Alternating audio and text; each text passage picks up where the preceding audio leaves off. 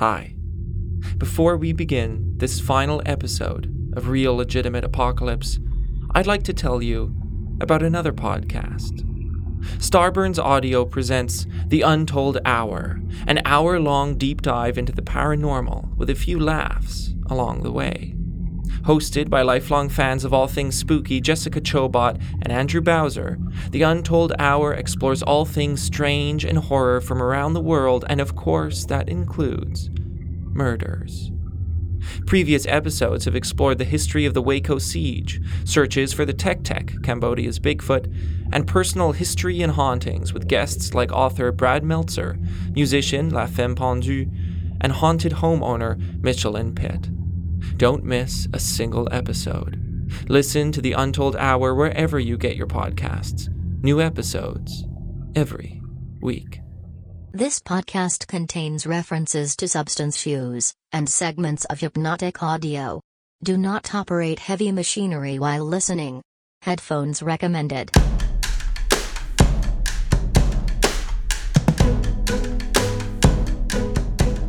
Hi, my name is Hannah Rice, and you're listening to episode 10 of Real Legitimate Apocalypse, my investigation into one sinister Toronto based cult.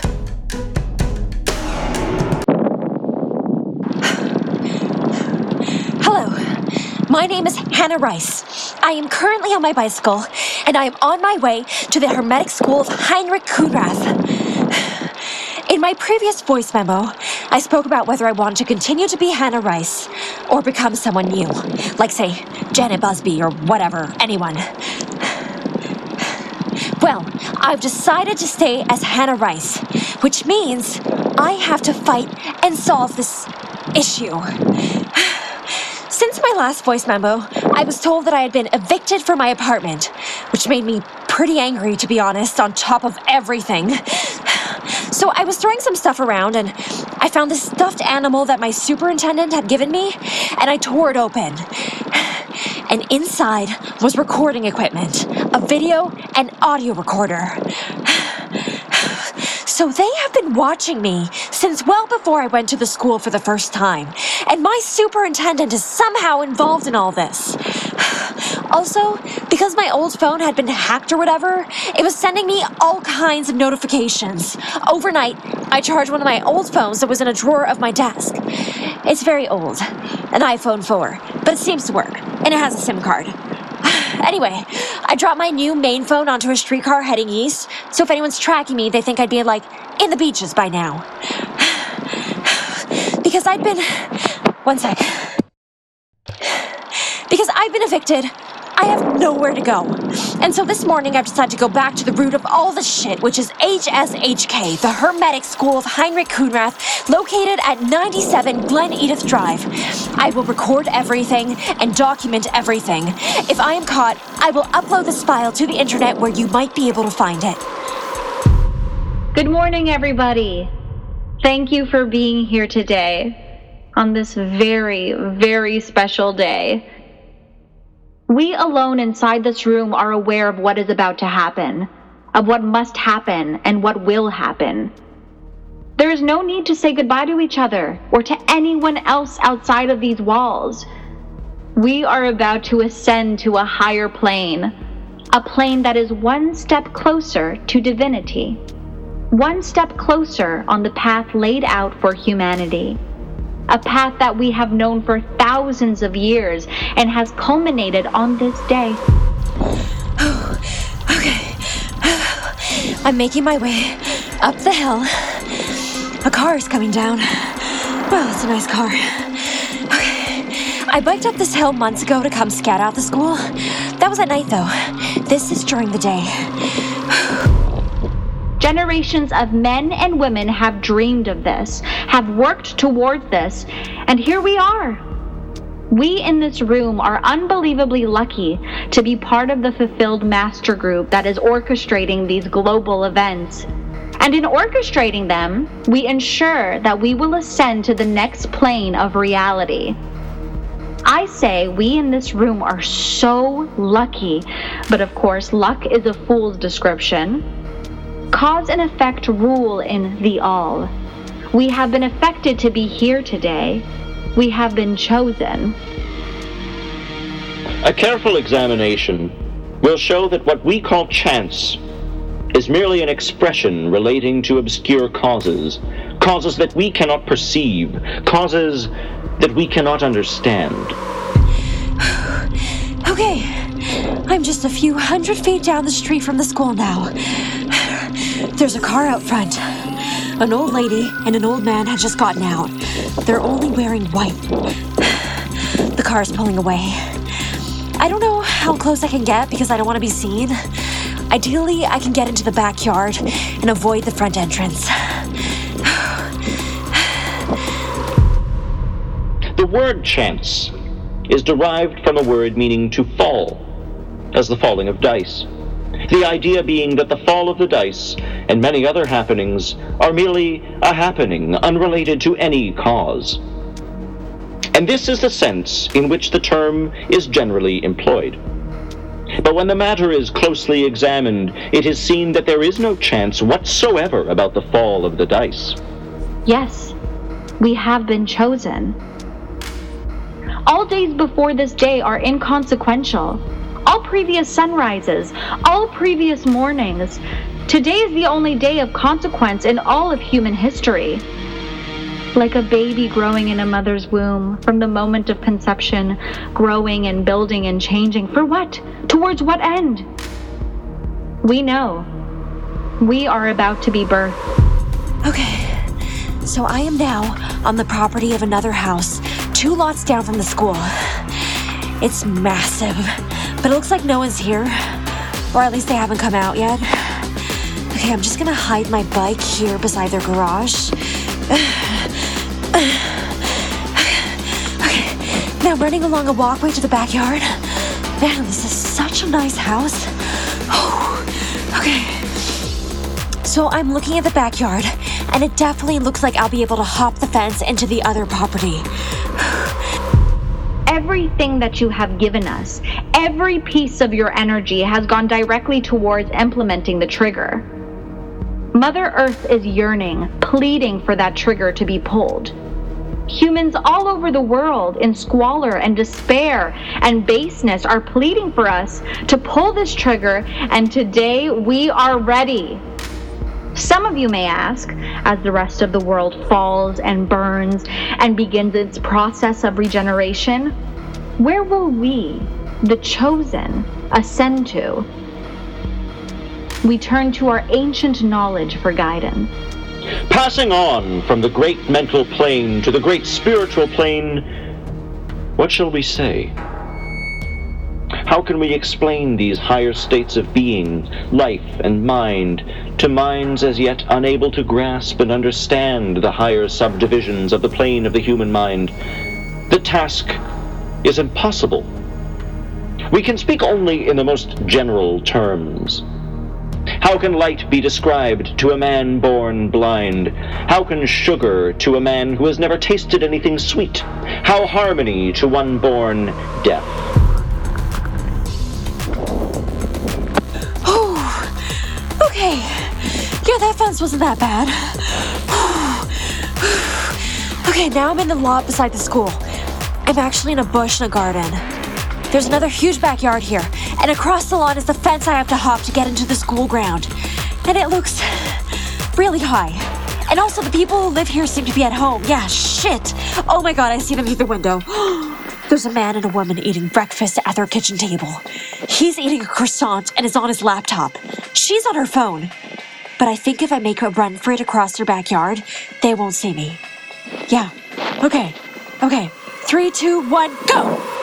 All we can say is that the seven minor planes of the great spiritual plane comprise beings possessing life, mind, and form as far above that of man today as the latter is above the earthworm, mineral, or even certain forms of energy or matter. The life of these beings so far transcends ours that we cannot even think of the details of the same. Their minds so far transcend ours that to them we scarcely seem to think, and our mental processes seem almost akin to material processes. The matter of which their forms are comprised is in the highest planes of matter, nay, Some are even said to be clothed in pure energy. What may be said of such beings? Oh, fuck, this fence is so high, there's no fucking way I can jump it. There must be like a way over. Oh, mm, fuck, there's no gate. But there's like a wheelbarrow by their shed. They haven't seen me yet. I might be able to get it. On the seven minor planes of the great spiritual plane exist beings of whom we may speak as angels, archangels, demigods. On the lower minor planes dwell those great souls whom we call masters and adepts. Okay, okay, I've got it. The man and the woman in the kitchen eating croissants still haven't seen me. Okay, I'm rolling the wheelbarrow towards the fence, and I'm gonna turn it over and hop onto the bottom of it, and then I should be able to reach the top of the fence and pull myself over. Oh man, I'm demolishing their garden. Above them come the great hierarchies of the angelic hosts, unthinkable to man, and above those come those who may without irreverence be called the gods.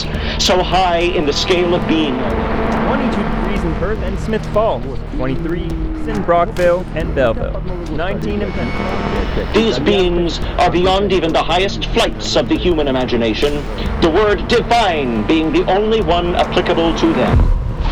Ugh. Over. Okay. Okay.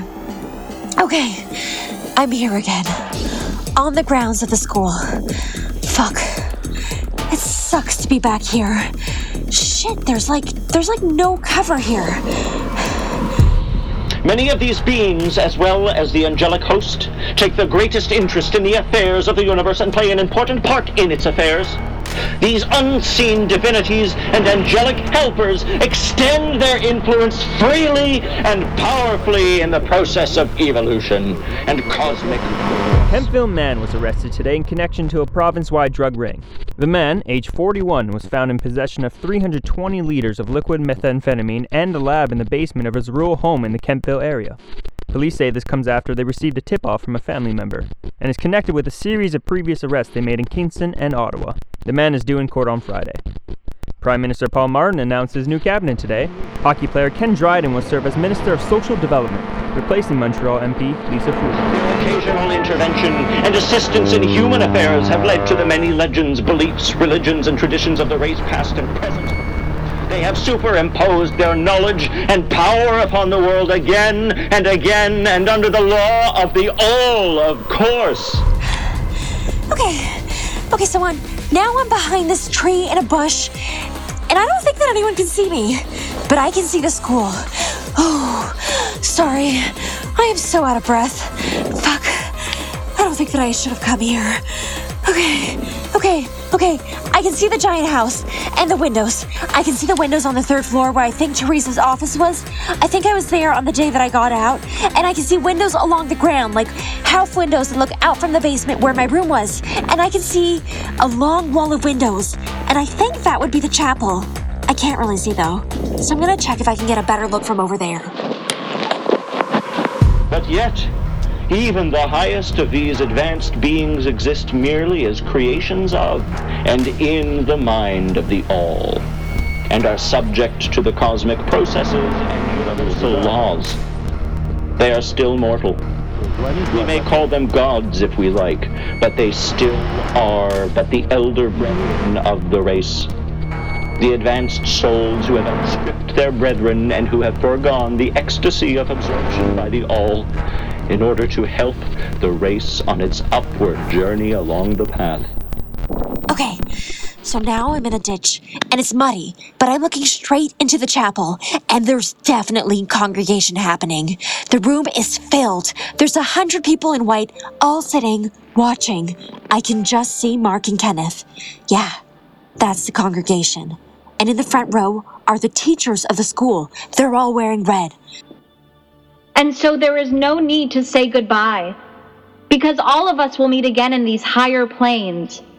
And should we, base mineral beings, continue our ascension towards the divinity of that absolute spirit, we will meet again as masters, adepts, angels, demigods. And there's about 20 people in black hoods standing in front of them. That's what I was part of when I was here. I was one of those people in hoods. Teresa called us the base lambs. And I can see their faces. Emily's there, and. No. Lawrence. He's there too. He went back. Why did he go back? Any doubt in your minds as to the validity and divinity of what we are about to do must be quelled now. Since humanity's first great civilization, we have known this day must come. And this day is here.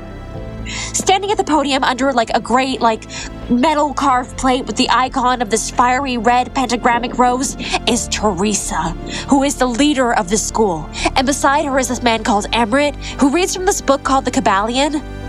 The process is in motion. As I speak, great towers of humanity are falling. Presidents and dictators alike are being slain. The sea is rising to engulf us. The sun is burning to cook us. Humanity burns as it was designed to from the beginning. I can't hear anything, but I think Teresa's talking. Everybody rise. It is time, my flock, my brethren, my disciples, my friends, my lovers, my fellow humans, to cast away this base mineral flesh and ascend. Oh shit. Everyone's standing up. The whole congregation is standing. I've I've never seen this before. Crimson. And now I ask my base lambs to step forward. Crimson. They are going to help you in this journey. Now the lambs and the hoods are stepping forward. Raise these daggers in your hands towards the sky Holy shit. and say with me, The all is mind, the universe is mental. Teresa and the other people in red are stepping away. The all is mind, the universe is mental. The all is mind, the universe is mental. The all is mind, the universe is mental. The all is mind, the universe is mental. And now, ascend! Oh fuck! Oh my god, holy shit!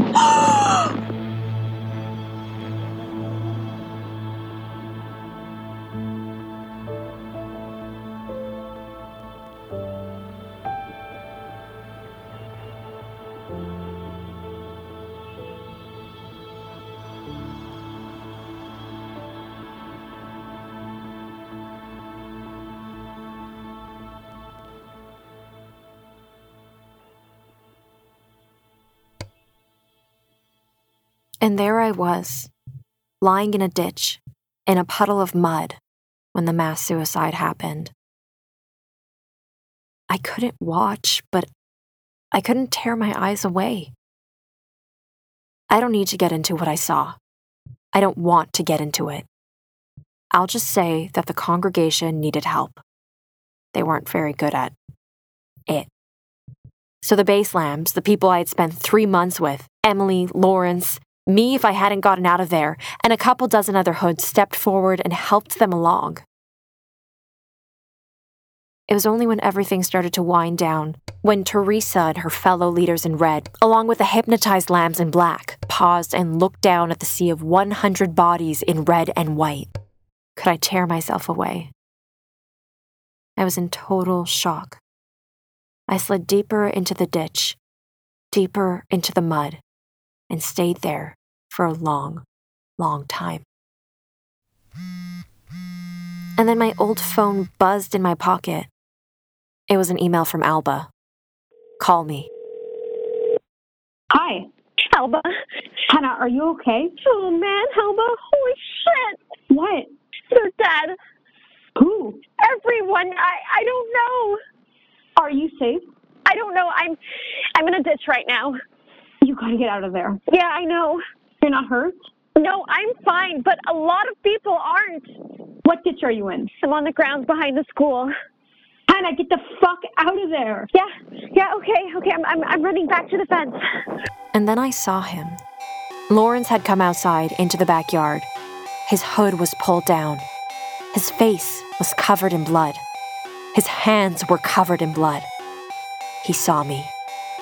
And then he started to chase me.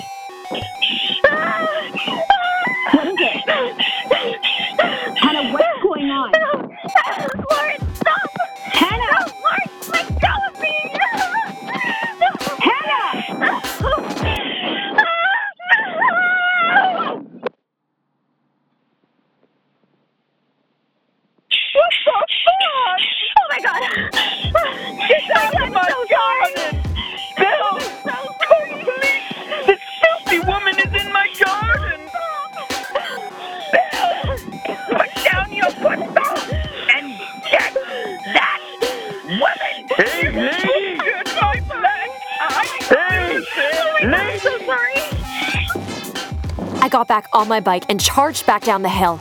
I looked down at my hands on the bar. I was the epitome of filthy. I was covered in mud and sand and leaves and blood. Not my own blood, but the blood that came off of Lawrence as he tried to pull me off the fence and back up to the school. The blood of the congregation. He was definitely not the same man who had come to my apartment a few days ago in search of a friend. He had looked like a demon. Okay. Okay, I'm at Bloor. Okay. Hannah, I want you to come to Vancouver. What? Yeah. Mel and I That's Alba's cousin. want you to come stay with us. I told her everything. and- Vancouver. Yes. My parents will pay for your flight. I can't just go. Yes, you can. You got to. Who knows what else this call will do if you're in Toronto? It's not a cult. It was a cult. It is a cult.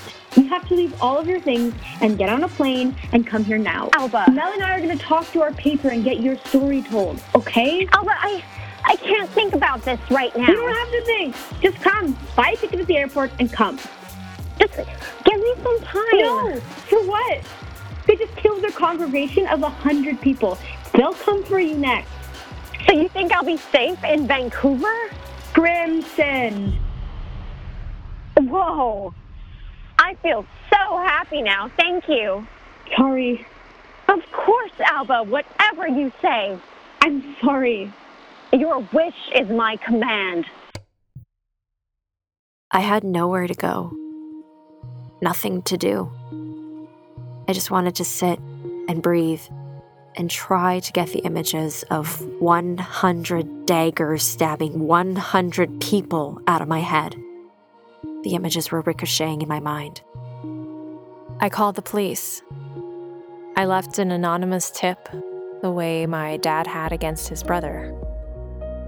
I wished I could speak to my dad but that relationship might be over. For good. I biked through the city all the way to High Park. Buildings were not falling, the sun wasn't burning. I passed people walking with friends, laughing, going to work, living their lives. I wanted to be one of those people right now so badly. Someone whose identity was still intact. Someone who hadn't just witnessed a mass murder. At High Park, I found myself at the massive oak tree. The pentagrammic rose was still carved into its bark, but the blood had washed away, and over the months, the bark had healed. And not in a way to conceal the marking, but to strengthen it, as if the tree was okay with having the scar. I sat at the base of the tree and breathed in and breathed out. Hello? Anna, it's your dad. Dad. Dad. I don't want to talk to you, but I just wanted to say, Oh my God. Thank you. Thank you so much for calling Anna, I don't want to hear any of it. All right, I just wanted to tell you. Dad, I'm so, so, so sorry. I have so much that I need to tell uh-huh. you. And I know that you might not want to listen to me, but please give me a chance. I, I know that I said horrible things to you, and I, I heard what I said, and I need you to understand that I didn't mean Anna, any I don't want to hear it. Okay, okay, yeah, that's okay. Just talk to me. Tell me things. Tell me, tell me what's going on in your life. Tell me, tell me about the BDO. Oh my gosh, tell me about how the Kemptville College is going. That is so important, and I'm so happy that you have such a. Anna, Okay, Dad, I don't know how to make it up to you. just listen. Thought you'd like to know that your uncle Raymond has passed away. Uh, he did. Yes, yes, he died this morning. And I didn't visit him before he went. As a kind of punishment for what he did to you all those years ago. I thought it might be a weight off of your shoulders to know that now he's gone forever. Okay. That's all. Okay. Now, I don't want to talk to you because you really hurt me with all those phone calls you made to me before. Okay. Dad, I'm moving to Vancouver. You are? Yeah, to move in with Alba. Oh, Yeah, it's far away. I know.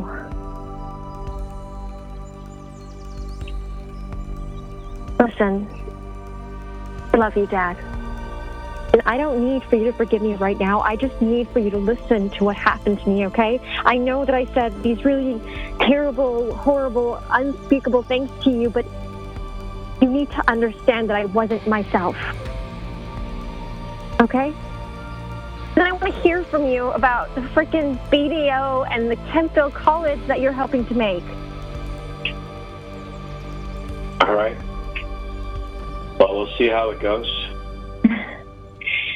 Okay. I'm going to start from the beginning, okay?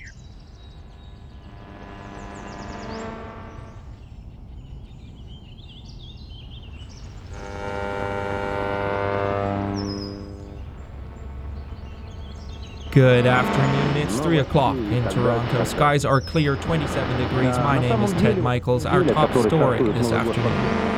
Toronto police continue their investigation into the high number of missing persons reports submitted in recent days. Ron Dolby reports. Thank you, Ted. Toronto police say they have received a slew of missing persons reports this week, 10 times the daily average. Comparing the public reports, it's easy to see correlation between the individuals. These are mostly people from the Rosedale and Forest Hill neighborhoods in Toronto. They seem to be in their later years and they seem to be well off financially. Most attended morning meetings in a house on Glen Edith Drive, just north of Dupont and Davenport, which is listed as the Toronto Neighborhood Alliance Network headquarters. Today, that house is cleared out, empty, and up for sale. We've spoken to the sales representative who wouldn't give me any information as to who owns the property or why it's up for sale. Contacts of most of the missing individuals tell us that before going missing, some of them sold off many of their assets to this Neighborhood Alliance network. It's also noteworthy that 10 years ago in Cleveland, Ohio, there was another Neighborhood Alliance network that was said to be involved in the disappearance of several dozen people as well. So, are you part of the organization? Oh, yeah, I am. Nice. What neighborhood? I'm not from Toronto. Oh, I didn't know that it was related to other cities. They're around the world. I'm from Cleveland.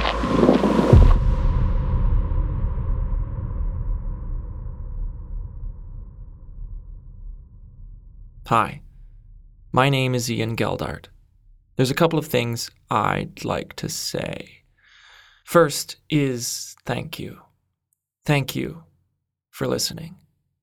The concept of this little production streaming into your ears half a world away from my laptop and into your mind is still such a thrill. You listening here, right now, wherever you are, is the reason for the hundreds of hours of work put into this series. So thank you. I hope you enjoyed it. Which leads me to the second thing I want to mention uh, what's coming next in the Real Legitimate anthology. I'm in the works right now on our third mini series. There's there's so much I want to tell you, um, but also an indefinite time frame. So I'm going to hold on to it for now. But follow at RLA Series on Instagram for the latest developments, and stay subscribed to this podcast for everything to come in this feed. Third, and I'll only mention this briefly before you switch off, is that if you like this series, consider a donation at patreon.com slash RLA series. And sharing this podcast with someone who might enjoy it is a huge support as well. Finally, and probably most importantly, is the cast of actors who brought this entire story to life. The star of this series is Julia Borsellino, who played Hannah Rice. She's been an incredible benefit over the past two years and is the reason this series has been a success. So, thank you, Julia. You also heard voices from the incredible actors Mara Lazarus, who played Teresa, Shannon Liebinger, who played Alba, Adam Alberts, who played Hannah's dad, Ezra Famidus Smith, who played Emerit, Ari Tyros, who played Lawrence, Sean Colby, who played Ken, and an extra special thanks to Liana Badui. I'd also like to thank Sean Colby, Savannah Nast, Patreon donor Kate Henderson, Vanessa Geldart, and Michael and Mariana at the Sonar Network. When I bring on actors um, for a series, we sign a profit share agreement, which means that every penny we make is divided up. I would love to give these actors who have put so much time into this project the paycheck they deserve. So consider visiting patreon.com slash RLA series and making a small recurring donation. Also, if you're listening to this in September of 2020, consider nominating Real Legitimate Apocalypse for an Audioverse Award. Visit audioverseawards.net. Nominations are open through September 30th, 2020. Also, I would love to hear from you. Reach out to me on Instagram at RLA Series or via email at rlaseries at gmail.com to discuss the show, give me some feedback, talk about partnerships, uh, inquiries about the cast, whatever, whatever you want. Stay safe, stay close, and I look forward to speaking to you in the near future.